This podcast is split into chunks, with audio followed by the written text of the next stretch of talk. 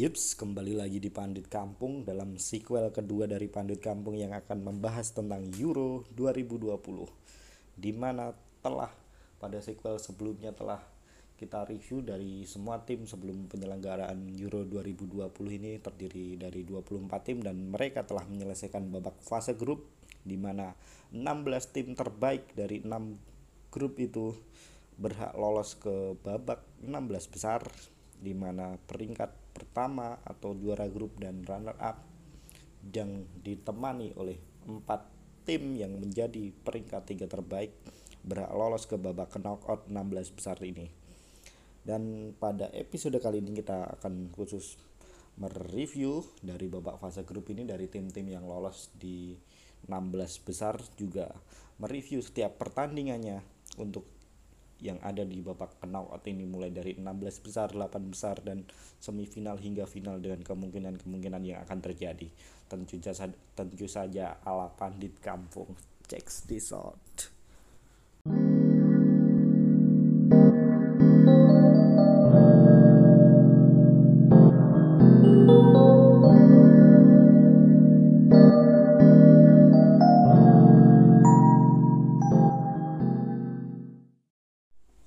Langsung kita mulai saja. Kita lihat baganya dari babak 16 besar dari Euro 2020 ini dari sisi kiri tentu akan ada bagan yang menarik dan lebih berimbang dibandingkan di sisi kanan yang mungkin satu dua pertandingan big match tapi yang lain pertandingan yang mengejutkan juga.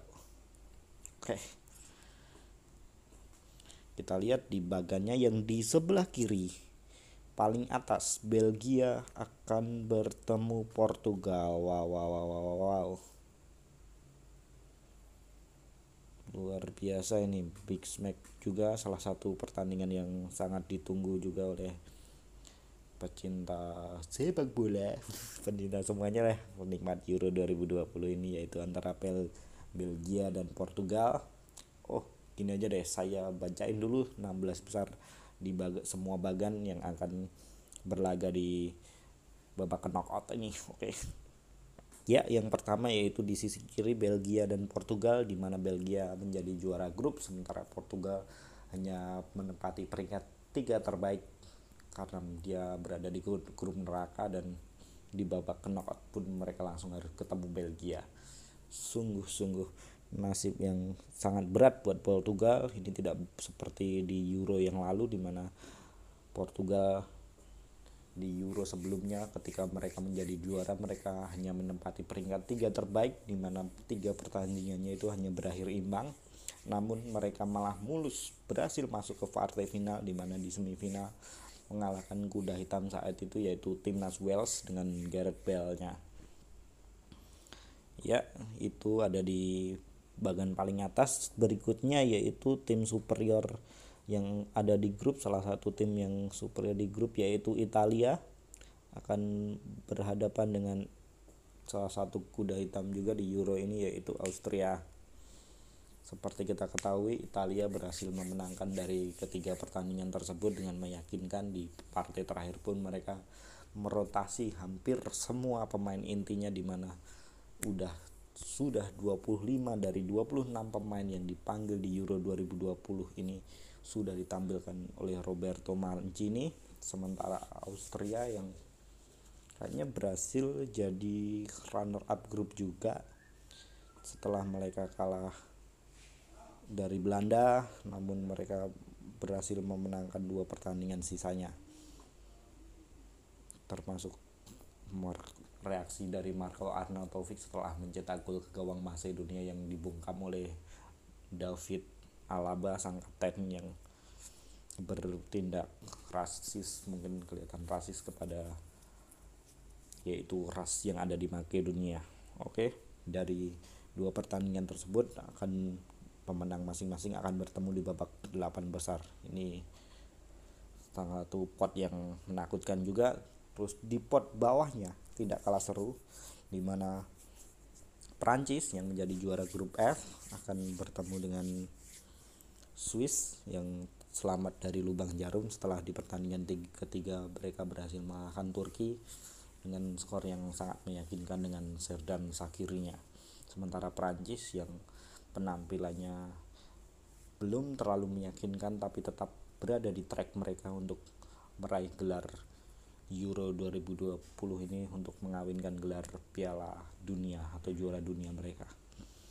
Sementara di terakhir ini yang akan berhadapan dengan mereka di delapan besar nanti yaitu antara Spain dan Austria eh Kroasia dan Spain ya seperti kita ketahui Kroasia juga akhirnya selamat juga di pertandingan terakhir. Mereka berhasil mengalahkan Scotland dengan skor 2-1 di mana veteran mereka Luka Modric salah satu legenda hidup mereka yang baru lah.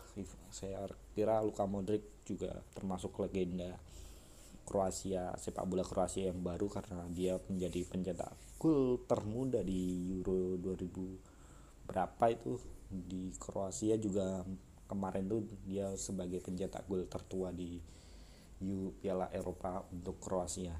Saya rasa level dari Luka Modric ini udah setara dengan Davor Suker dan Boban di mana mereka mengantarkan ke semifinal Piala Dunia tapi Modric sudah lebih sensasional lagi. Mereka berhasil masuk final Piala Dunia dan rutin berada di Piala Eropa dan selalu masuk ke babak knockout saya rasa juga salah satu legenda itu.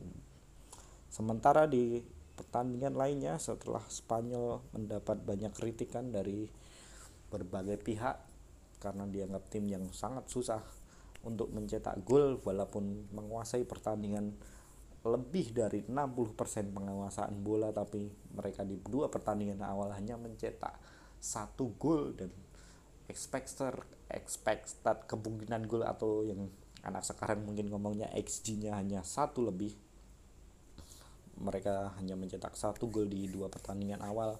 Walaupun di pertandingan ketiga setelah terjadi paceklik tersebut mereka membobol Slovakia dengan 5 gol tanpa balas. Walaupun di 15 menit pertama juga terjadi kegagalan penalti dari Alvaro Morata yang sempat meragukan banyak pihak dengan penampilannya di Euro kali ini dengan striker karena dia merupakan striker utama dari timnas Spanyol.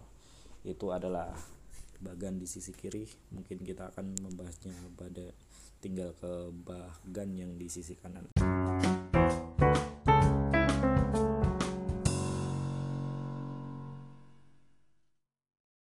Ya untuk bagan yang di sisi kanan paling atas yaitu di mana tim yang cukup bermain gebilang di babak fase grup yaitu Swedia dengan di luar dugaan malah mereka menjadi juara grup sehingga mereka menjadi salah satu pot di unggulan yaitu di atas.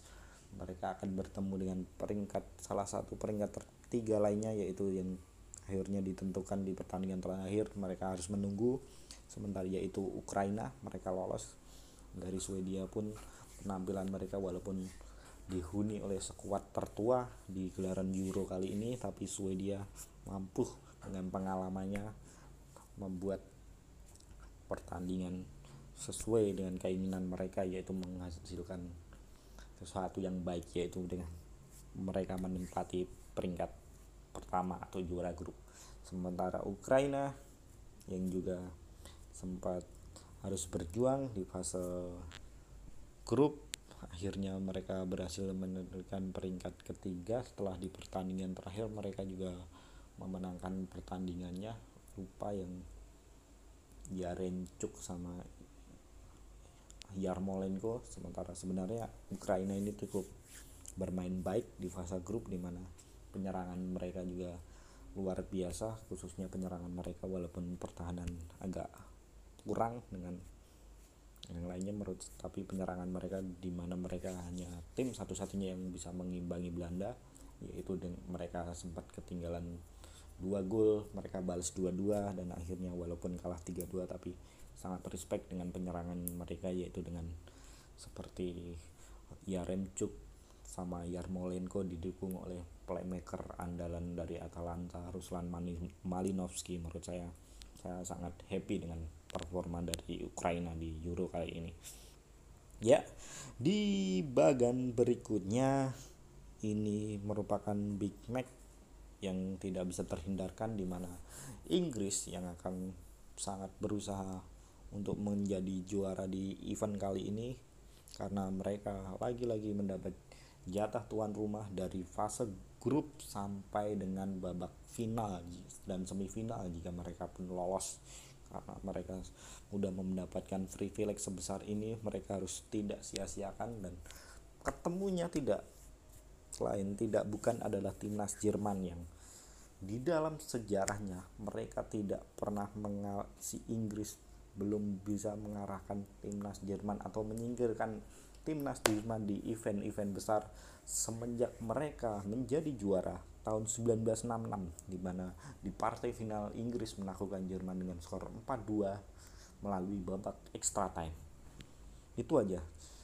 Inggris sebenarnya bermain tidak terlalu istimewa di babak grup tapi mereka mencatatkan tiga clean sheet ini yang jarang dipakai oleh media atau disoroti oleh media mana pun mereka ber, eh, bermain menang 1-0 melawan Ukraina dengan Kevin Phillips pemain Leeds United menjadi playmakernya di pertandingan pertama dan berhasil mencetak asis kepada Raheem Sterling dan mencetak gol untuk kemenangan gol tunggal satu-satunya kemenangan dari timnas Inggris tersebut.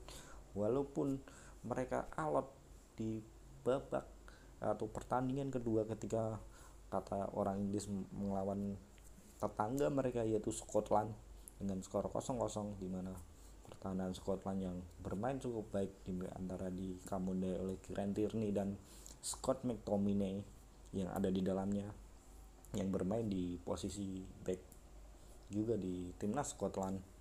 Berhasil menahan laju Inggris walaupun permainannya Inggris juga tidak miskin kreativitas bisa dibilang saya bisa bilang begitu mereka berhasil ditahan Scotland tapi di pertandingan terakhir lagi-lagi mereka dapat memenangkan pertandingan dengan clean sheet juga walaupun juga dengan skor minimalis 1-0 juga. Sterling juga ya yang yang melalui umpan dari Jack Grealish itu. Ya Sterling juga kayaknya yang tak gol. Sehingga Inggris jadi tim yang clean sheet salah satu tim yang clean sheet di babak fase grup ini selain juga Italia. Ada yang lainnya nggak? Oh, kurang tahu. Eh ya dari dua pertandingan itu antara Swedia sama Ukraine dan Jerman Inggris mereka akan bertemu di babak 8 besar juga. Ini kuncinya adalah di pertandingan Jerman Inggris menjadi penentuan tentunya untuk tim besar ini. Siapa yang berhasil melewati rintangan besar ini untuk dapat rintangan-rintangan lainnya oke? Oke di slot terakhir yaitu salah satu tim yang bermain cemerlang dengan pemain yang combine antara pemain-pemain muda baru juga dengan pemain senior yaitu timnas Belanda di mana mereka juga meraih tiga kemenangan dari tiga pertandingan dengan meyakinkan akan berhadapan dengan menurut saya tim yang cukup bermain baik di fase grup Euro 2020 ya, ini yaitu Republik Ceko di mana Republik Ceko ini menurut saya tim paling seimbang.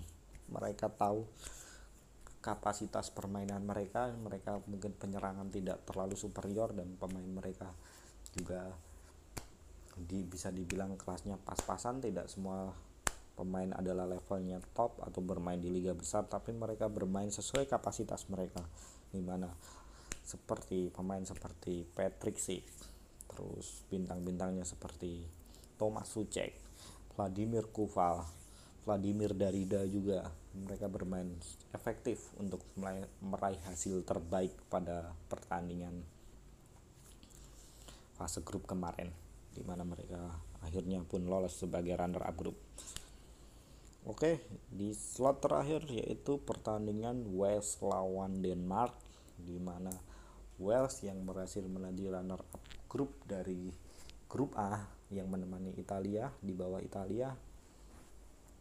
Sebenarnya timnas Wales yang ada di Euro tahun ini adalah timnas Wales versi mat matang atau versi lebih seniornya pada Euro 2015 lalu 2016 lalu yaitu menurut saya lebih superior pada Euro 2016 lalu. Soalnya pada Euro 2016 lalu pemain-pemain bintang mereka udah pada di level prime atau top topnya mereka di mana Gareth Bale, Aaron Ramsey, Joe Allen, terus striker mereka dulu ada Hal Robson Kanu, Ben Davies.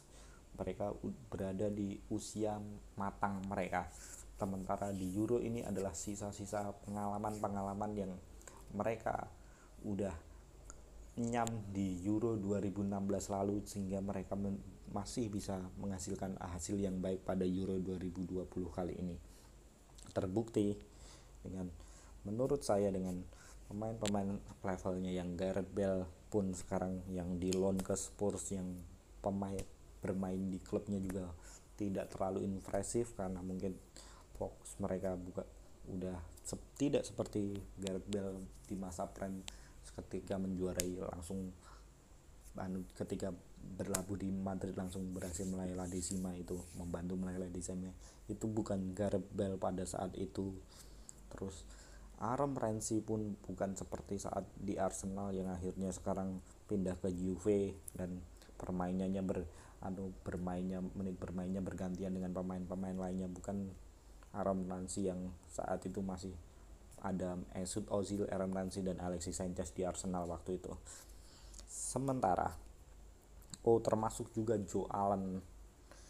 Joe Allen ini di mana lima tahun lalu mungkin dia masih main di Premier League sempat main di Liverpool juga so dari Swansea setelah pindah dari Swansea itu dia jadi pemain dengan passing yang baik di Liga Inggris tapi mereka di musim ini pun Joe Allen pun gagal mengangkat Stoke City untuk kembali naik ke Premier League. Mereka malah terjerambab di papan tengah Championship dan mereka belum bisa mengangkat tim ini.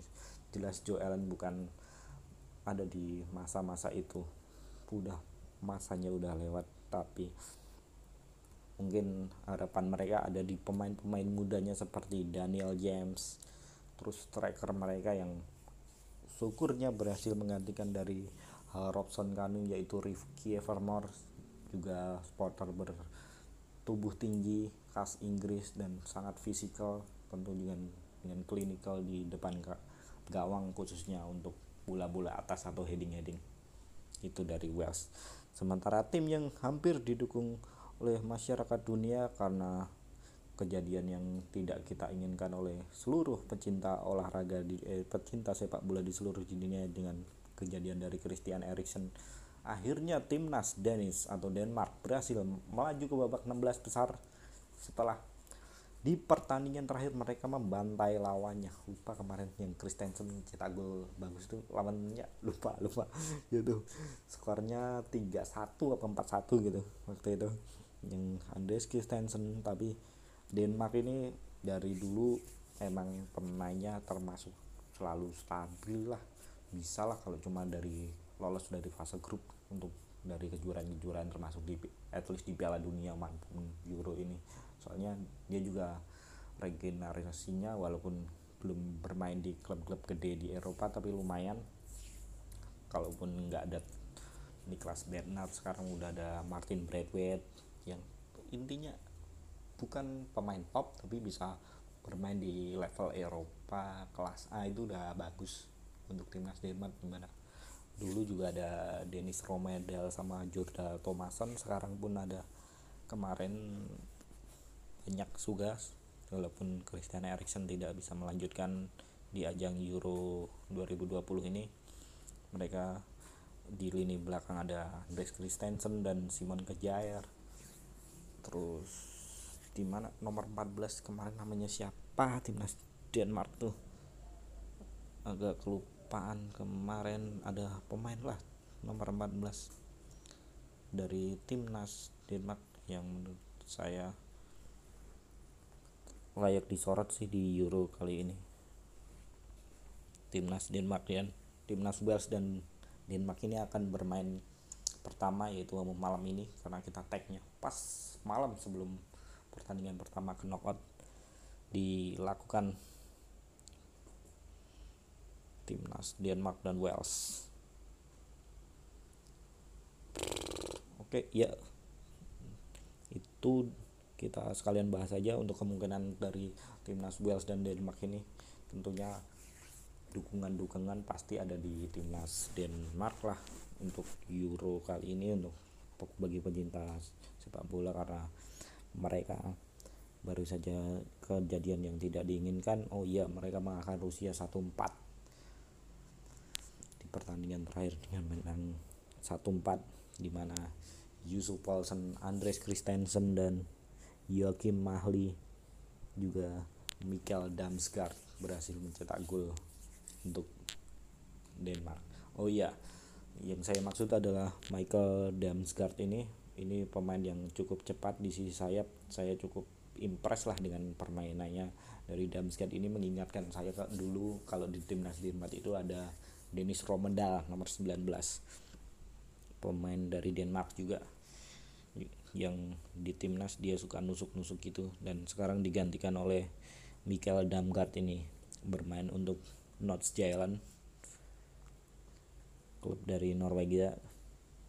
Oh Sampdoria ternyata. Dia bermain di Liga Italia. Oh. Dan masih berusia 20 tahun ternyata saya cek saya cukup impress dengan permainan ini. Permainannya Michael Damsgaard ini dengan untuk membantu striker mereka yaitu Yusuf Paulsen yang ada di tengah sementara Martin Bradford juga beroperasi di wingernya dari timnas Denmark ini. Kekuatan mereka pun semakin baik karena pemain bertahannya termasuk permainan berpengalaman termasuk kiper kiper sekali kiper mereka yaitu Casper Schmeichel dengan dibantu oleh Simon Kejair yang merupakan kapten pin kapten tim dan Kasper Schmeichel sebagai wakil kapten juga ada Andres Christensen dan Yannick Vastegaard yang dua-duanya ini bermain di Liga Inggris bersama Chelsea dan Southampton. Itu untuk ulasannya di timnas Denmark khusus kali ini. Sementara timnas Wales seperti yang saya bilang tadi mereka bermain dengan pengalaman sisa-sisa masa prime mereka setelah Euro 2016 lalu. Tapi mereka tetap ada pengalaman sehingga mereka berhasil lolos ke babak knockout ini. Ya kalaupun dari kedua tim ini menurut saya peluangnya 50-50 sehingga walaupun saya juga sebenarnya lebih mengunggulkan Denmark tapi tidak kemungkinan Wales menang. Kemungkinan alot sih menurut saya kosong uh, bisa berakhir dengan imbang dan perpanjangan waktu. Adu adu tendangan penalti. Kalau udah adu tendangan penalti kita tidak tahu lah kita tidak bernilai kalau yang mana yang baik. Akhirnya yang menang itu bukan yang bermain baik yang agak berjudian juga. Jadi yang beruntung akan memenangkan pertandingan ini tapi overall saya juga mengunggulkan Denmark untuk lolos ke babak selanjutnya. Oke, kita ke jadwal selanjutnya yaitu Italy melawan Italy melawan Austria yang akan bermain paginya yaitu pukul 2 pagi di mana ya tadi sudah saya review juga timnas Italia. Saya khusus timnas Italia saya menyorot yaitu Spinazzola seperti yang dibilangkan di sequel pertama saya saya juga melihat Minda Zula di Roma ini adalah dari sektor dia membantu serangannya. Terbukti di Euro kali ini dia bermain impresif di per, bahkan di pertandingan pertama pun mereka si Spinazzola ini menjadi star of the match atau man of the match di pertandingan tersebut. Saya soalnya pernah lihat dia di Roma Roma kan mainnya termasuk offense offense yang sangat baik walaupun hasilnya kurang baik nggak berada di papan atas bahkan empat besar pun nggak lolos si AS Roma ini. Tapi tapi Roma ini adalah mindset bermainnya adalah menyerang dengan baik sayapnya yang cukup menonjol yaitu Spinazzola ini dalam membantu serang saya soalnya sering nonton di video itu video.com ketika nonton pas kebetulan ada AS Roma tanding itu Spinazzola emang menonjol jadinya. Saya juga tidak heran lah kita Spinazzola ini bermain bagus untuk Italia pada Euro gelaran Euro kali ini. Udah saya prediksi juga sequel pertama itu. Juga dibantu dengan lini tengah mereka yang solid dan siapa pun bisa diturunkan menurut saya Italia itu. Mereka punya Barella yang jadi pemain terbaik pemain midfielder terbaik di Serie A dibantu oleh Jorginho yang juara champion. Terus ya Jorginho sama Barella dibantu Locatelli yang di Sassuolo pun bermain cemerlang untuk Sassuolo. Terus di lini tengah lainnya di pertandingan ketiga pun tidak kalah impresif. Marco Verratti di dua pertandingan awal tidak ditampilkan. Mereka menunjukkan sisi bermain yang berbeda di mana Verratti sangat kreatif dalam membantu serangan dan melakukan terobosan-terobosan kepada pemain-pemain lainnya. Sehingga menghasilkan gol dari free kick dari assist dia untuk Mattia Pesina juga pemain Atalanta kemungkinan walaupun tetap kalau di pertandingan ini tetap kembali ke utama sih. Jorginho, Locatelli, Barella ataupun Verratti kalau bisa di inverted bisa masuk juga di pertandingan 16 besar kali ini. Untuk Austria sendiri tidak perlu risau.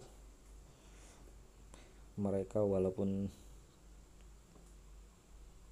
dengan pemain-pemain menurut saya Austria ini juga pemain-pemainnya juga matang-matang karena mereka sebagian besar bermain di Liga Jerman. Jarang malah yang bermain di lokal.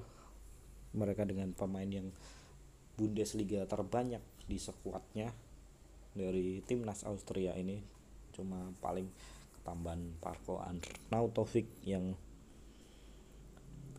dia merantau ke Liga China karena cari cuan karena sudah pengalaman di klub-klub besar. Namun dia jarang mendapatkan menit bermain di mana David Alaba kembali akan memimpin timnya untuk berhadapan dengan Italia ini dengan Marcel Sabitzer di lini tengah Stephen Liner yang beroperasi di sisi sayap juga Marco Arnautovic. Apakah akan diturunkan sebagai pilihan utama?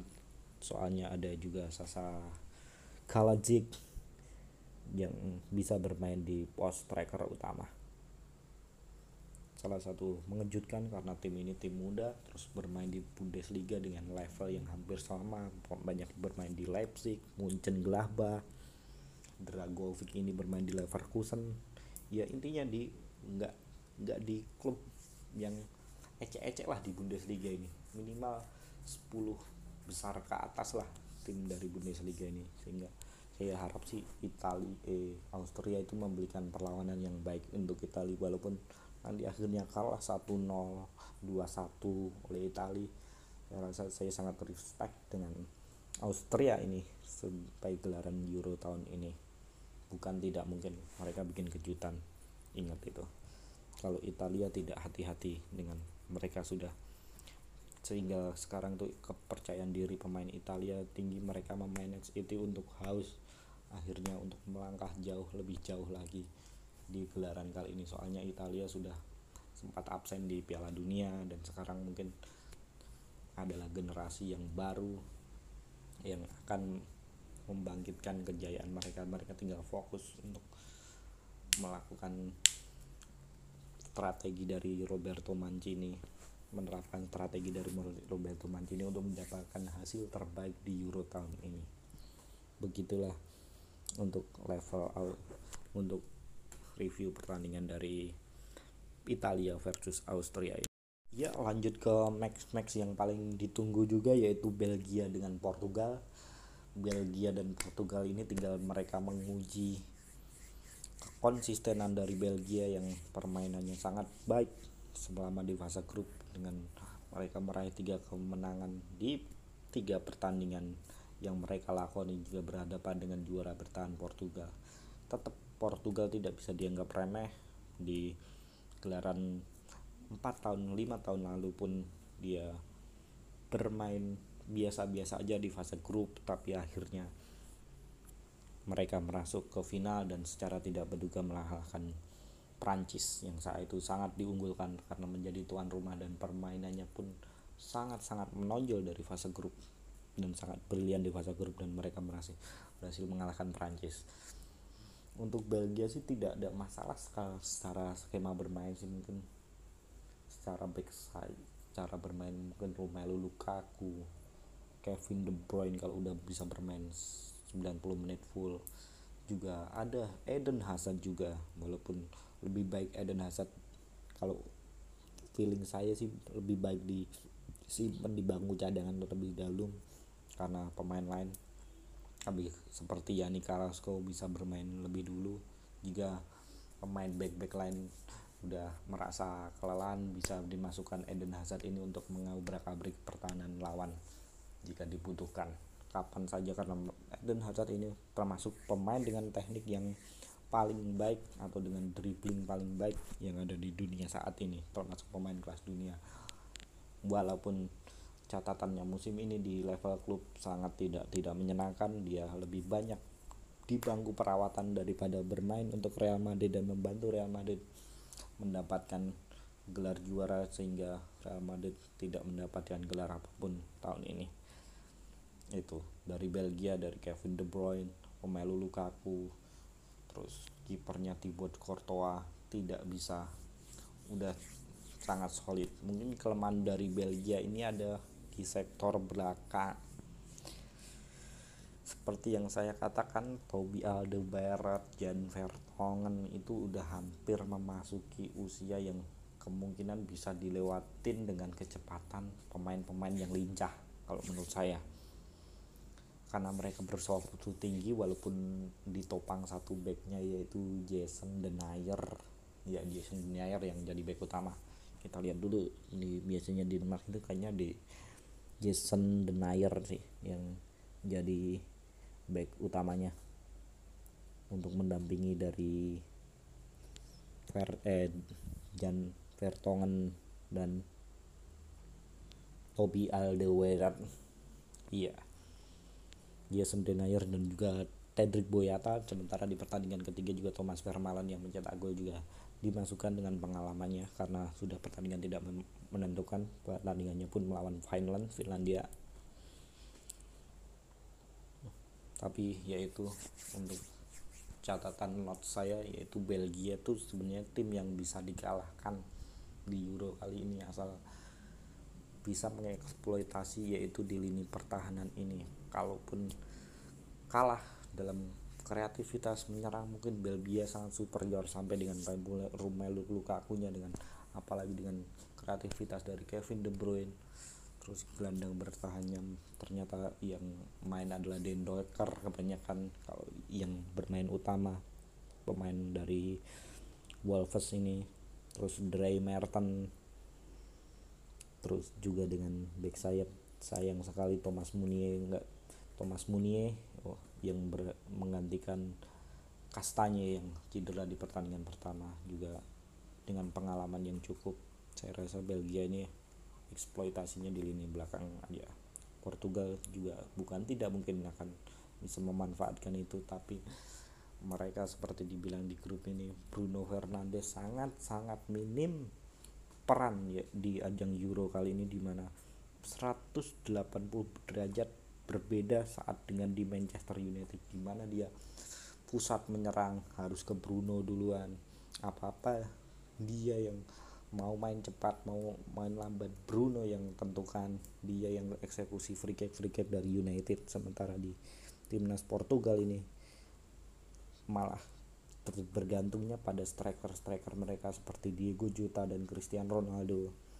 Juga dibantu lini tengahnya yaitu William Carvalho dan Renato Sanchez dan Danilo biasanya yang bergantian mengkoordinasi lini tengah mereka untuk bisa memutus serangan lawan dan peran kreatif dari Bruno Fernandes ini sangat-sangat dibutuhkan. Jika Portugal pengen jauh di Euro kali ini Bruno Fernandes harus menunjukkan kelasnya seperti dia tunjukkan di Manchester United. Mungkin kalaupun saya menurut saya tetap Belgia akan memenangkan itu tapi dengan catatan Belgia bermain rapi dan bisa ngekill di game di pertandingan kali ini. Karena si Portugal masih punya Cristiano Ronaldo yang bisa kapan saja mungkin dengan titik penalti bisa mencetak gol dan mengandalkan kemenangan mereka dan maju ke babak adu penalti dan akhirnya Belgia yang apes atau tidak. Jadi tapi menurut saya Belgia harus nggak bisa ngekill pertandingan ini untuk bisa lanjut ke babak berikutnya karena mereka di kalau di berikutnya mungkin mereka ketemu akan ketemu Italia atau Austria. Jika ketemu dengan Italia atau Austria tentu akan menjadi sangat menarik lagi terutama jika Italia lawan Belgia di semifinal nanti. Lanjut lagi ke pertandingan selanjutnya Spain ya Spain ya benar. Spain dan Kroasia tim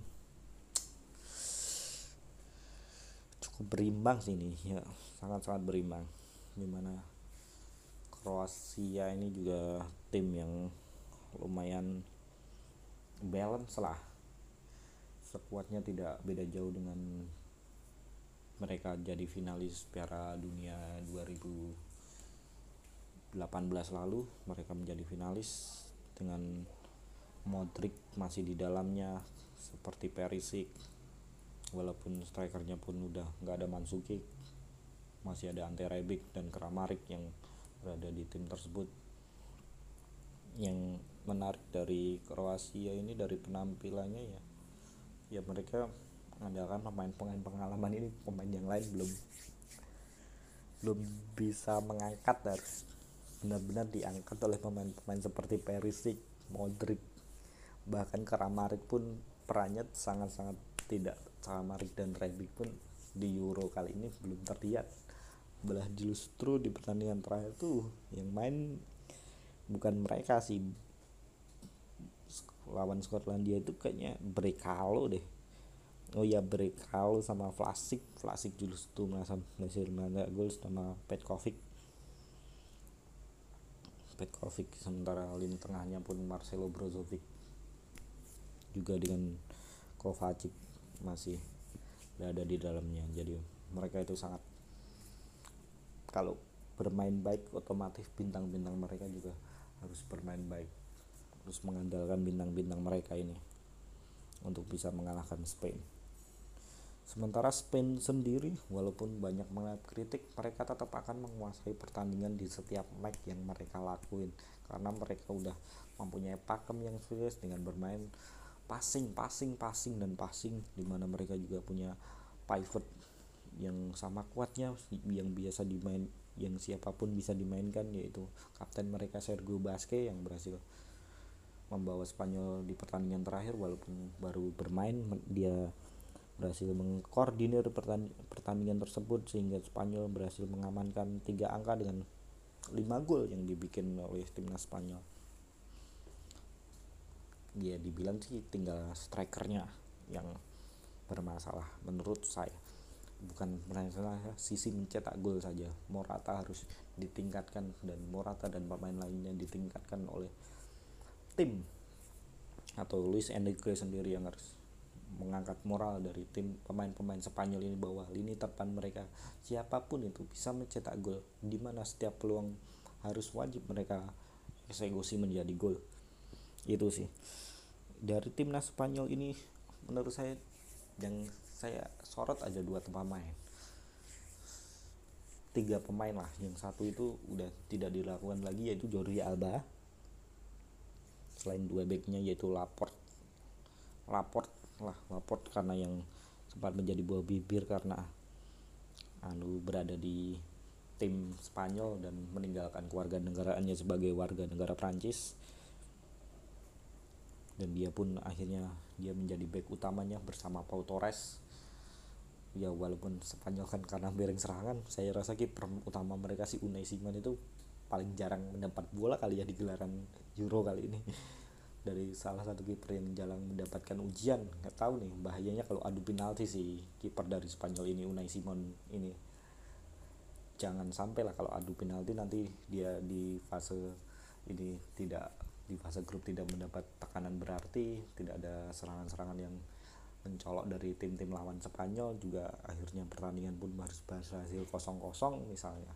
Dan dia nggak dapat ujian lagi dia belum panas gitu. Kan tidak sangat baik tapi Unai Simon saya rasa lebih layak dibanding David Tiga terutama dalam nanti kalaupun terjadi tendangan adu penalti. Ya seperti tadi yang Jordi Alba saya bahas tetap dari dari Euro 2012 dia selalu menjadi pilar penting Spanyol Euro 2016 sampai juara dunia itu udah jadi pilar yang sampai sekarang masih jadi pilar pentingnya terutama dengan kerja sama dengan Pedri. Ya yang satu lagi adalah Pedri dan Pablo Sarabia. Pedri itu di pertandingan terakhir dengan backdoor backdoornya dan visi bermainnya umpan-umpan mengejutkannya ini sangat layak lah. Saya udah tahu kenapa alasan Luis Enrique lebih memilih Pedri dibanding Thiago Alcantara. Ini karena Pedri Pedri memiliki sisi sisi nilai kejut yang lebih dan tidak tahu tidak bisa dibaca oleh lawan-lawannya karena masih muda juga. Visi umpan-umpannya bagus sehingga backdoornya sebelum kemarin juga berkolaborasi dengan Jordi Alba atau pemain lainnya juga sangat baik satu lagi adalah Pablo Sarabia.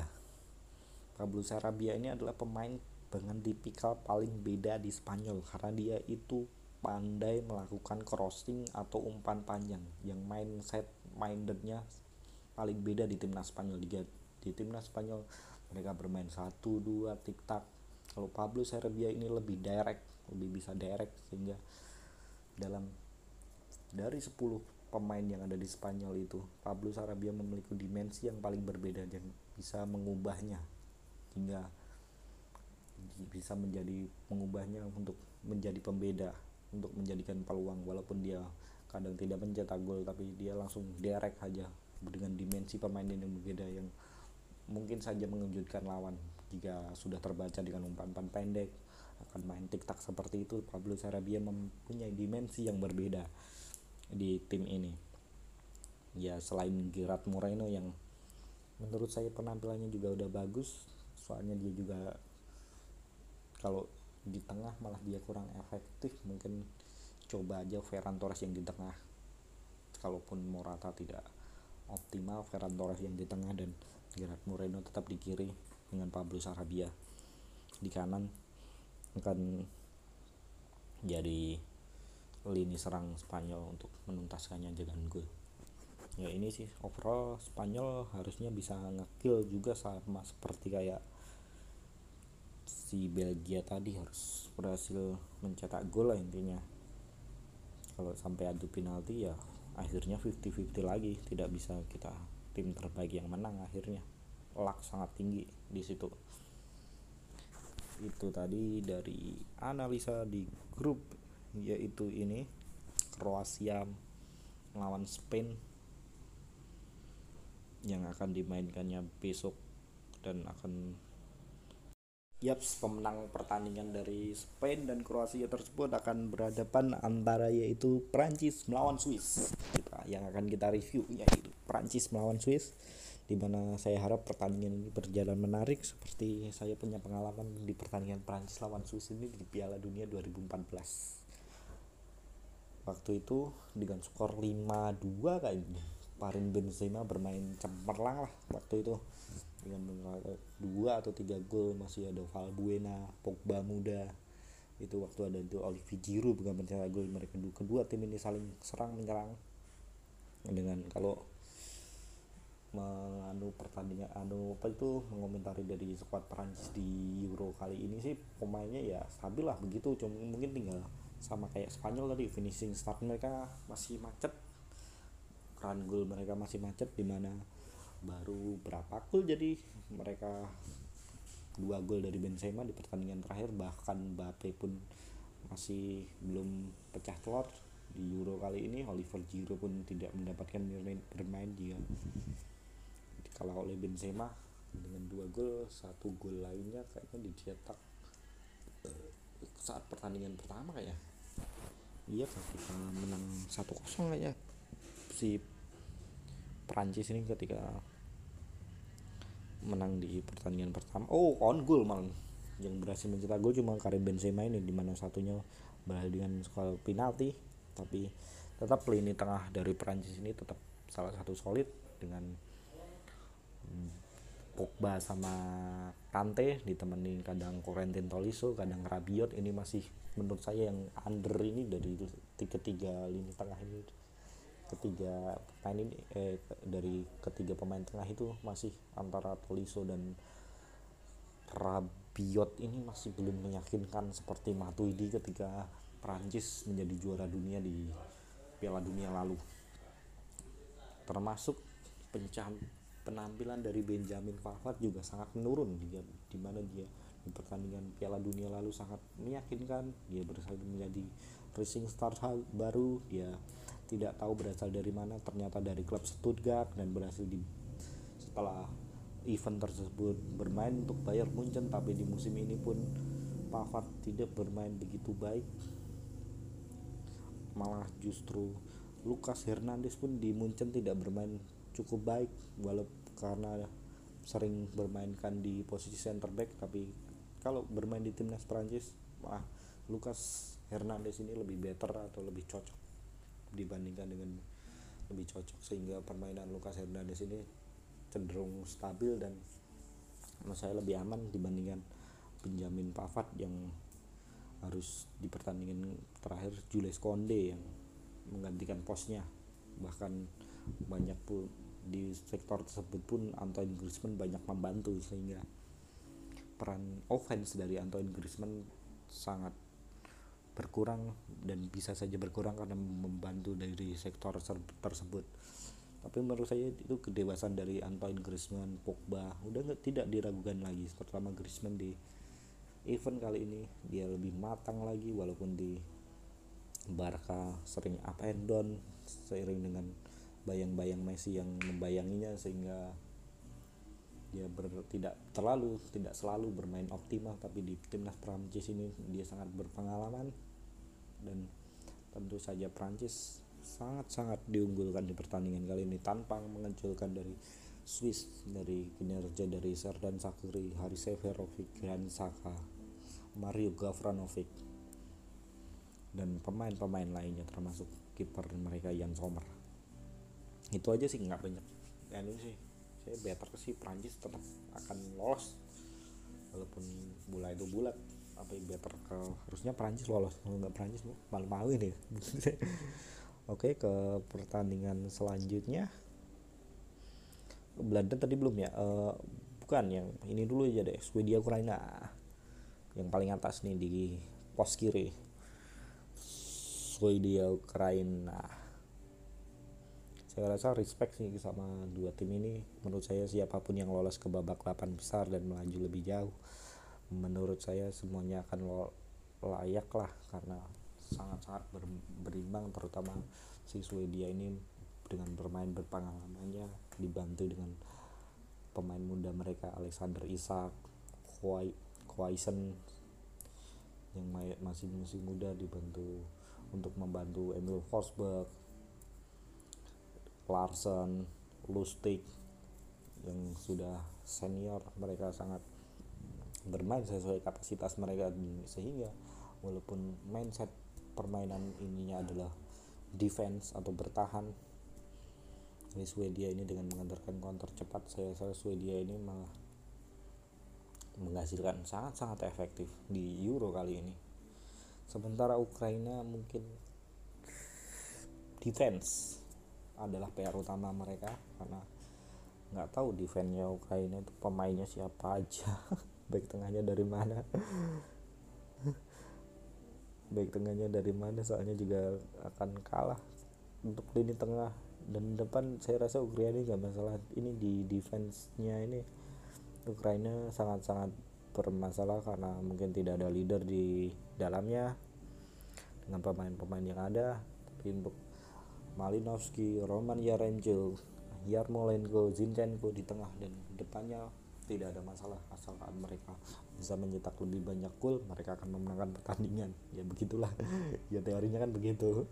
Tapi pertahanan mereka sangat sangat riwi dan Swedia pun cenderung tim yang defensive mindednya bagus. Defense dulu baru mereka incar counter. Seperti sangat-sangat dewasa lah mereka bermain contohnya ketika melawan pertandingan terakhir karena pertandingan itu kan sama di jam yang sama menit ke 80-an dari Spanyol udah saya switch ke Swedia ini skornya kan 2-2 sementara Polandia membutuhkan kemenangan jika mereka ingin lolos. Sementara Polandia malah mereka sangat-sangat tidak berhitung untuk melakukan penyerangan sehingga Swedia ini sangat cerdik dan bisa memanfaatkan peluang yaitu Dejan Kulusevski. Waktu itu yang ya Kulusevski yang menjadi aktor gol dari gol terakhir Swedia yang dicetak siapa itu? Lupa. Klaisen ya Klaisen 3-2 di, ma di mana dia melakukan umpan terobosan kepada Klaisen itu yang langsung one on one dengan Wojciechowski kiper Polandia itu. Dan akhirnya Polandia harus sayang sekali. Robert Lewandowski nggak bisa mengcarry tim Polandia itu sehingga Ukraina eh, atau Swedia menjadi juara grup dan bertemu dengan Ukraina. Ya itulah yang saya anu itu kalau terlalu Ukraina terlalu menyerang si strikernya itu wajib bas memanfaatkan peluangnya itu. Kalaupun Ukraina di menit awal langsung mencetak gol 1-0 atau babak pertama udah 2-0 itu akan menimbulkan rasa panik juga buat si dia dia dia mau nggak mau harus menyerang. Tapi kalau dengan membiarkan Ukraina menyerang tapi si Yaremchuk dan Yarmolenko tidak bisa mencetak gol bukan tidak mungkin akan dihukum oleh Emil Forsberg dan kawan-kawan untuk lolos ke babak berikutnya. Respect lah buat tim ini. Nah sekarang ke yang paling ditunggu-tunggu oleh masyarakat dunia nih Inggris Jerman. Saya nggak tahu mau menganalisa gimana. Menurut saya ini tim masih so-so semua. Yang nggak tahu mungkin analisanya dari mana. Dari Inggris pun permainannya tidak ada yang nothing spesial di Euro kali ini tetap seperti Inggris-Inggris yang lainnya tidak ada yang spesial mungkin mereka harus memaksakan hasil akhir aja sih hasil akhir yang sesuai keinginan mereka aja untuk keinginan untuk jika mereka ingin melangkah jauh yaitu dari tim ini. Saya buat ever dengan permainan yang pemain-pemain yang dimainin seperti menurut saya tinggal pasang kartu aja kalau Inggris itu. Kalau bisa kalau kalau perlu penusuk bisa dribble kan bisa masukin Jack Grealish pertahanannya ketat gitu. Kalau emang mau kolektivitas saya rasa belum bisa sih. Raheem Sterling saya juga nggak tahu kenapa dia masih dipasang terus dan selalu menjadi pilihan utama. Mungkin karena ya paling paham lah bisa dengan skema Inggris saat ini. Termasuk Harry Kane harus Harry Kane benar-benar menjadi pemain yang sangat biasa sekali di pertandingan Euro kali ini dan mungkin akan jauh menurunkan nilai-nilai jualnya setelah event kali ini jika di knockout dia tidak bisa mengeluarkan semua yang dia punya untuk Inggris di pagelaran kali ini. Mungkin juga jika Harry Kane bermain di Inggris juga tidak akan bisa meraih gelar juara. Dia harus menunjukkan seperti dia tunjukkan di Tottenham Hotspur dan di timnas sebelum-sebelumnya. Begitulah. Untuk timnas Jerman ini tim yang sangat berprogres walaupun tim ini mungkin tidak sekuat ketika mereka ada Mesut Ozil dan Toni Kroos masih prime. Ketika mereka menjuarai lah Thomas Muller juga masih prime dulu. Terus masih ada target band Miroslav Klose ketika mereka menjadi juara dunia di Brasil pada 2014 itu. Eh 2010 ya 2010 itu. Udah lewat dari masa itu mereka harus rebuilding.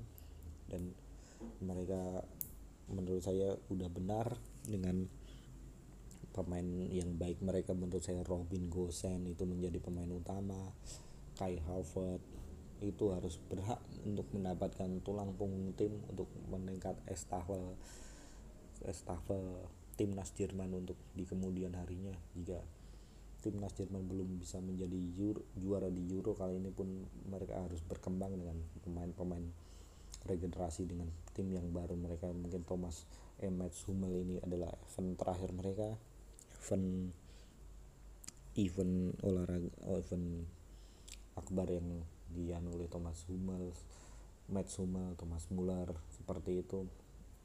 Termasuk Tony Cross juga sih. Mereka harus ganti estafet lah ke Robin Gosens Kai Havertz Timo Werner dan Kevin Pola juga harus mengambil pelan lah. Tapi Jerman kali ini kalau bisa melewati Inggris mungkin mereka juga akan melangkah jauh menurut saya. Mereka harus berhasil meraih penting limit walaupun akhirnya nanti pertandingan ini saya rasa akan deadlock sih menurut saya. Dan akan tos-tosan juga. Tapi ini ujian lah buat keduanya jika salah satu ini udah lolos kemungkinan ada yang mungkin bisa sampai semifinal dan final dari kedua tim ini. Prediksi saya. Gitulah dari Inggris Jerman. Lanjut ke Belanda ya tinggal Belanda. Tadi Belanda Ceko yang belum. Hmm, Belanda Ceko.